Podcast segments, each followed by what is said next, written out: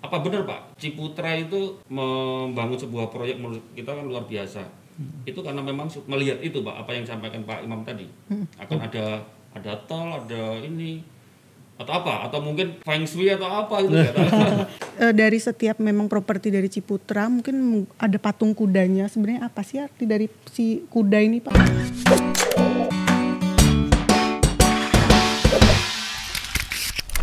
Jawaban yang paling singkat ya kenapa kita pilih Nagoya ya karena paling bagus gitu. Itu jawaban paling singkat ya tapi rasional di belakangnya tuh ada. Mm-mm. jadi begini ya kalau orang investasi atau company investasi di properti dia tentu mencari tempat yang growth-nya itu bagus.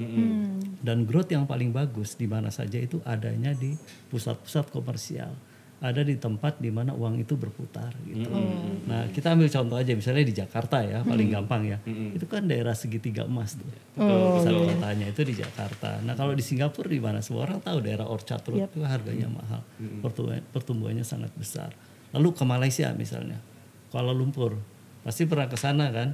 Itu sekitar Bukit Bintang, Ya. eh, Sultan Ismail sampai ke dekat eh, Petronas Tower ya itu growth-nya juga besar, harganya juga luar biasa. Kalau ke Bangkok lagi, misalnya kita ke daerah Sukhumvit tuh, Iya, Sukhumvit. ada dekat mallnya MBK tuh, ya di situ juga pertumbuhannya sangat besar dan harganya juga paling mahal. Ya, belum daerah lain kota-kota besar besar lainnya, Seoul misalnya itu juga ada yang istilahnya dulu lagu Gangnam Style itu ya, Ya, ya, ya. daerah sana juga itu terkenal. Jadi memang Artinya Pak Nagoya itu berarti kawasan yang sebenarnya memang bener mahal ya kalau ngomong lokal Iya, apa, jadi mahal Pak ya. iya, jadi kita melihat bahwa Nagoya ini ya seperti itu. Dia pusat eh, bisnis, pusat perdagangan, di situ banyak restoran, tempat turis, tempat di mana perputaran uang itu terjadi.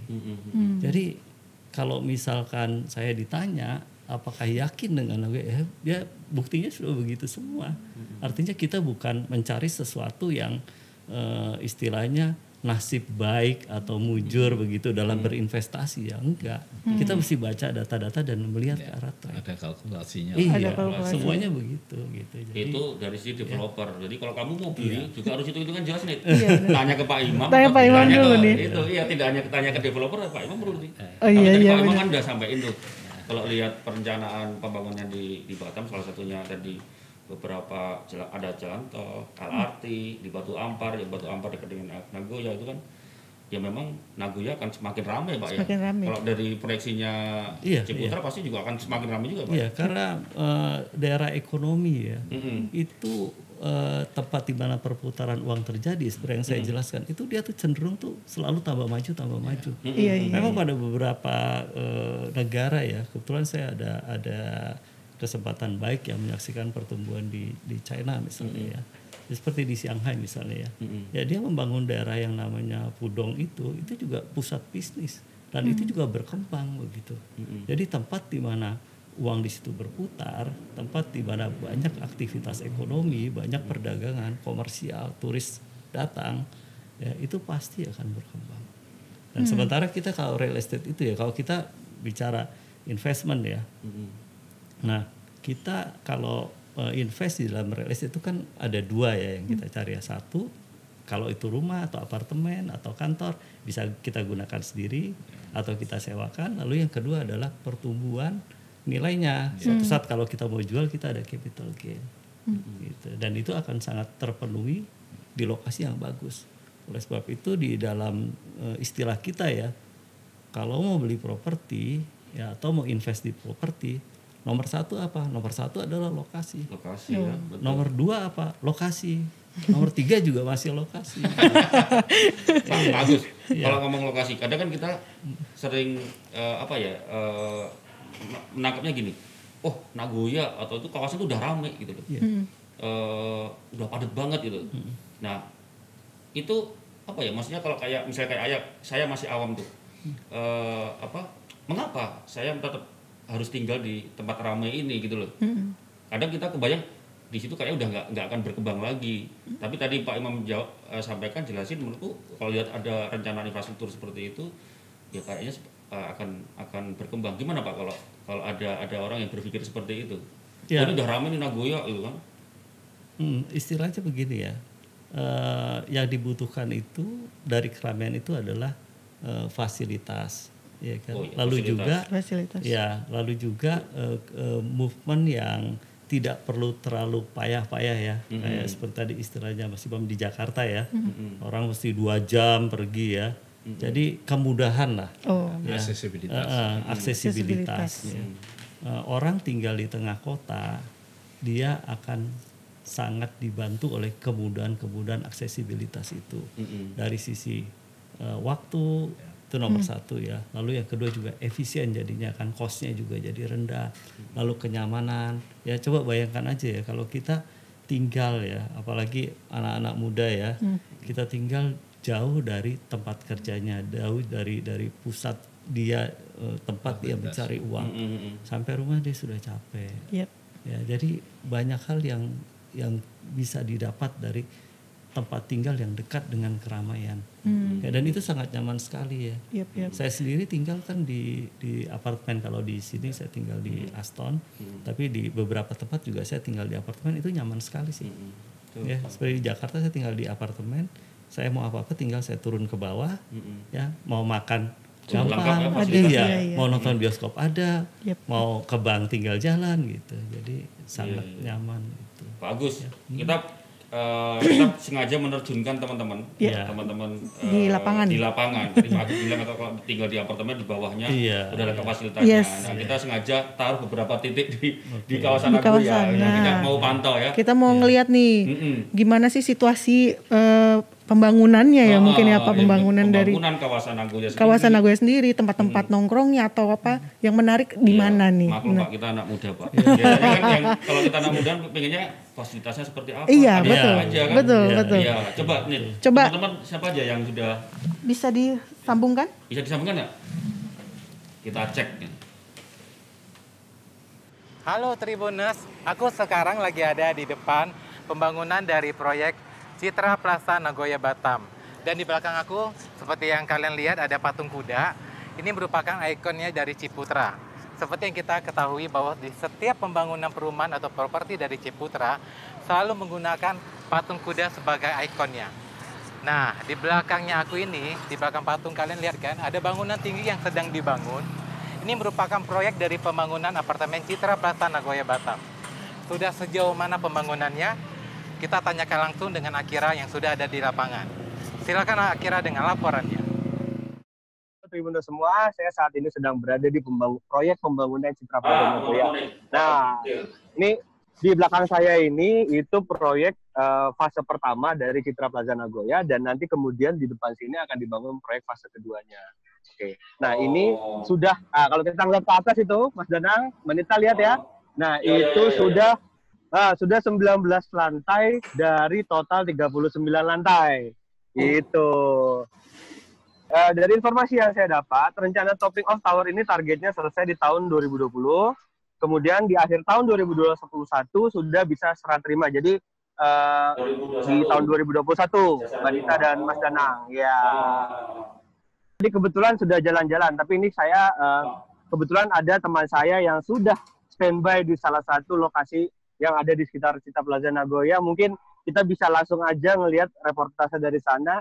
Saya kasih ke Reinhard, silakan. Oke, nih sore ini aku lagi ada di Nagoya City Food Court ya. Cuma lima menit aja dari Citra Plaza Nagoya. Itu deket tuh dari sini tuh. Tadi kalau dari selama jalan dari Citra Plaza ke Nagoya Food Court menemukan apa aja Ren? Nah, di sini itu terkenal food court yang paling affordable katanya Pak. Jadi banyak stand-stand dari makanan yang halal sampai yang non halal juga ada lengkap pokoknya. Jadi ini salah satu food court paling terbaru di daerah Nagoya yang banyak digandrungin orang-orang Batam nih sekarang. Jadi ya sangat strategis. Cuma lima menit jalan kaki.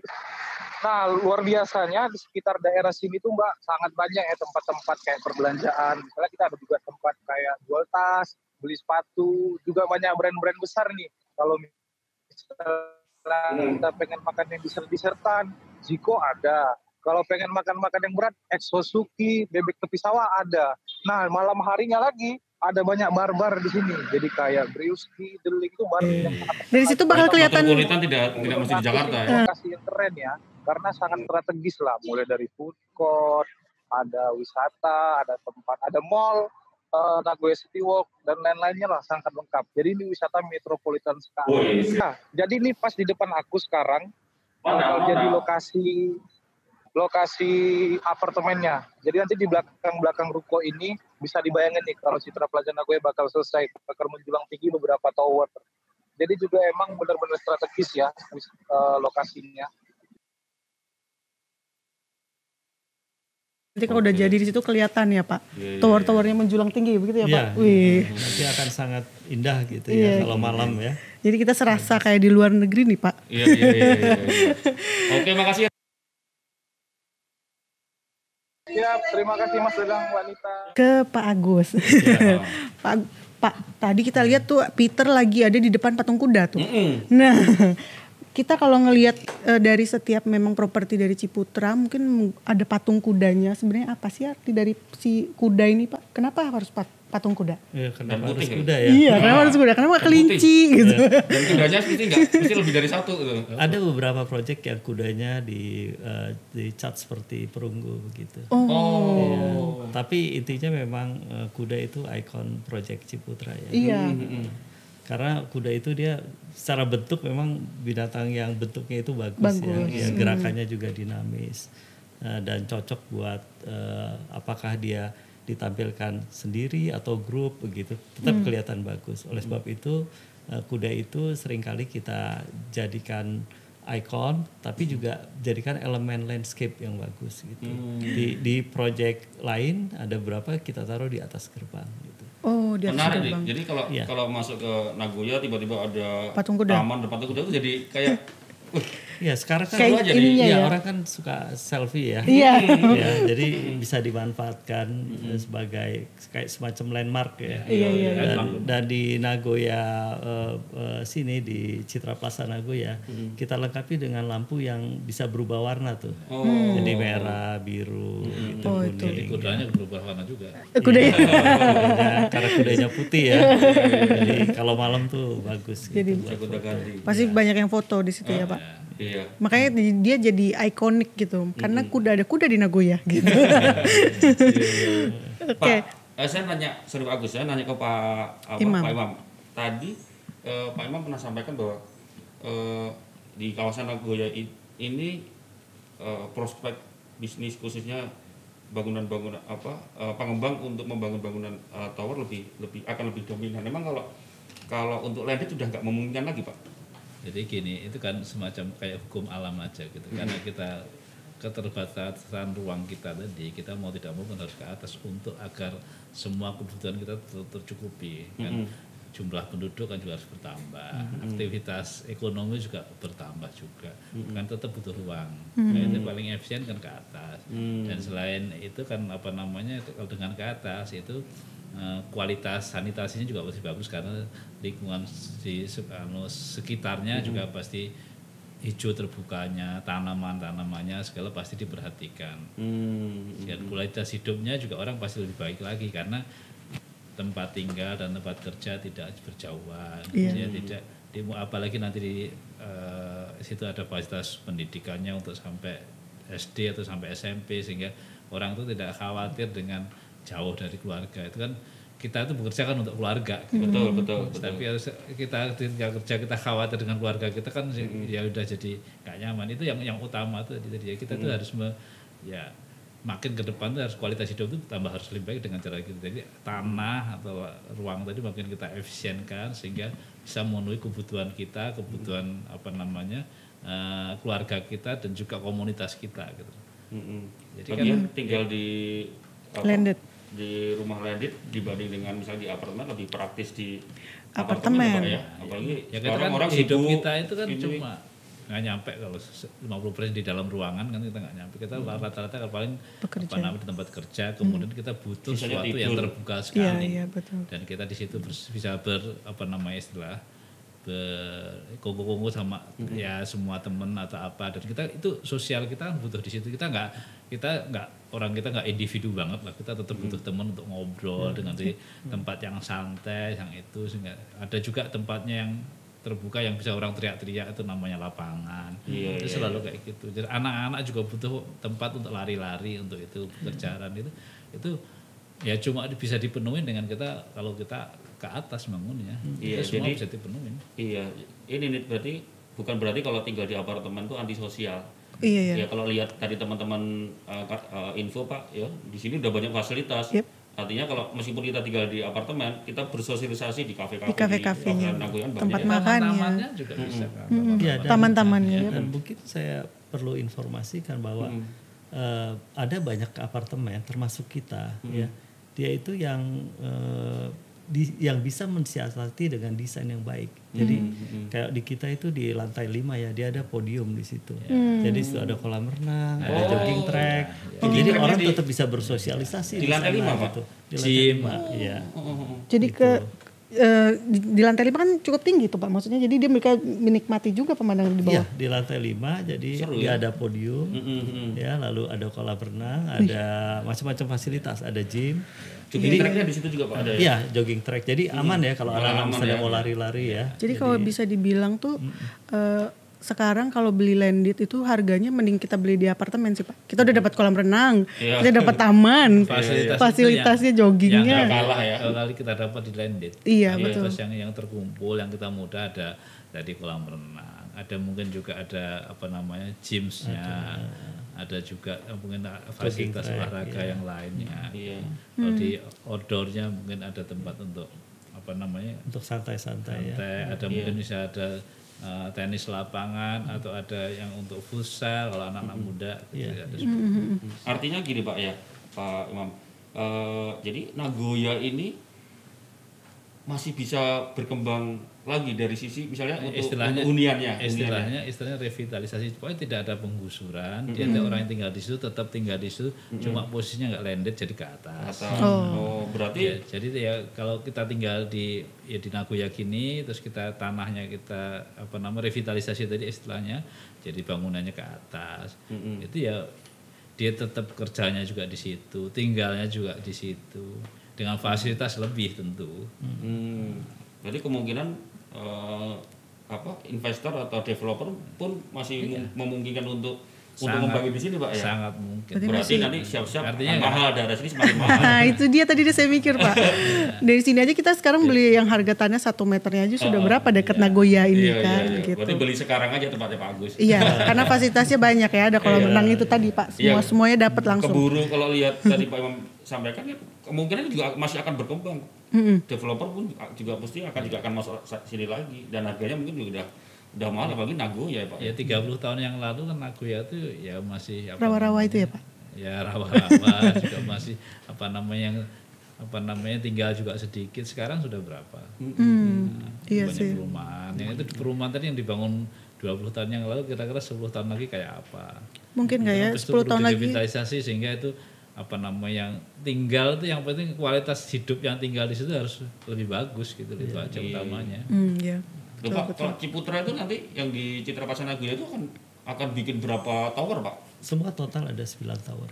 Berapa? 9 Dengan tiga fase pembangunan Pak. Iya iya. Oke. Tadi yang di lapangan itu fase pertama ya Pak ya? Eh, phase pertama Oke. tower pertama Sip. Jadi, Tadi dibilang mau eh, diserah terimakan mungkin di akhir dari 2021 Pak. 2021 ya. Siap, siap, siap. Itu kok konsepnya gimana Pak? Apa 9 tower itu sama atau punya konsep sendiri-sendiri? oh kita uh, mix development ya Oh. Jadi di situ ada uh, office tower, nanti ada residensial, Oh, ada office ada juga hotel gitu. Ya, Ada juga office ya Iya, komersial ya. Mm-mm. Iya. Oke. Oh, Nggak terasa ngobrolnya. eh, eh, mungkin ini Pak Agus mungkin kalau nanti tadi ada yang bertanya bisa ke mana sih telepon kalau nanya-nanya soal Kayaknya ada yang CPN? gergetan Pak jadi kepengen kayak perlu punya Oh ya. rumah atau properti di Nagoya di Citra Pasar. Uh, bisa ke website kita ya uh, citraplasanagoya.com citraplasanagoya.com. ya atau juga uh, kontak kita ya 0811 770 9800. Oke tuh. Kalau yang mau nanya-nanya langsung bisa langsung Iya. telepon yang atau tadi ya datang aja ke marketing office ya. Iya. gitu ya. di Nagoya. Daerah Nagoya. Oke Pak, terima kasih. Terima kasih, Pak Terima Imam. kasih. Terima kasih. Ya, Pak Imam, Direktur Infrastruktur Kawasan di Batam, banyak informasi akhirnya kita jadi tahu Tahu tentang Batam, tentang Batam, tentang Nagoya Batam, khususnya. Hmm. khususnya Nagoya, rencana ke depan seperti apa kita jadi jadi anu Pak, jadi penasaran pengen wah mau investasi apa nih? Nah, Eh, itu kan biasanya itu orang info bilang penting gitu. tuh yang investasi tadi itu. Iya. Bagusnya seperti apa? Iya. Ya, gitu. Dan Untuk terima kasih juga Pak Agus Terima kasih. udah dipinjemin tempatnya. Saya yang terima kasih karena udah kedatangan eh, Pak Imam dan Mas Danang Iya. ya Sama-sama, Siap. Pak. Sama-sama Pak. Oke, terima kasih Tribuners. Jangan lupa follow Instagram kita Tribun at Tribun Podcast dan subscribe YouTube channel kita di Tribun Podcast dan jangan lupa beli kartu TFC ya Pak ya, Ya. Tribun Family Card. Di situ ada bisa langganan koran selama satu tahun dan juga gratis minum kopi, ngopi-ngopi cantik. Kopi gratis selama setahun ya. Ya, kopi, Nah, ngopi gratis selama setahun dan juga cuci mobil. ya. Cukup 750 ribu aja.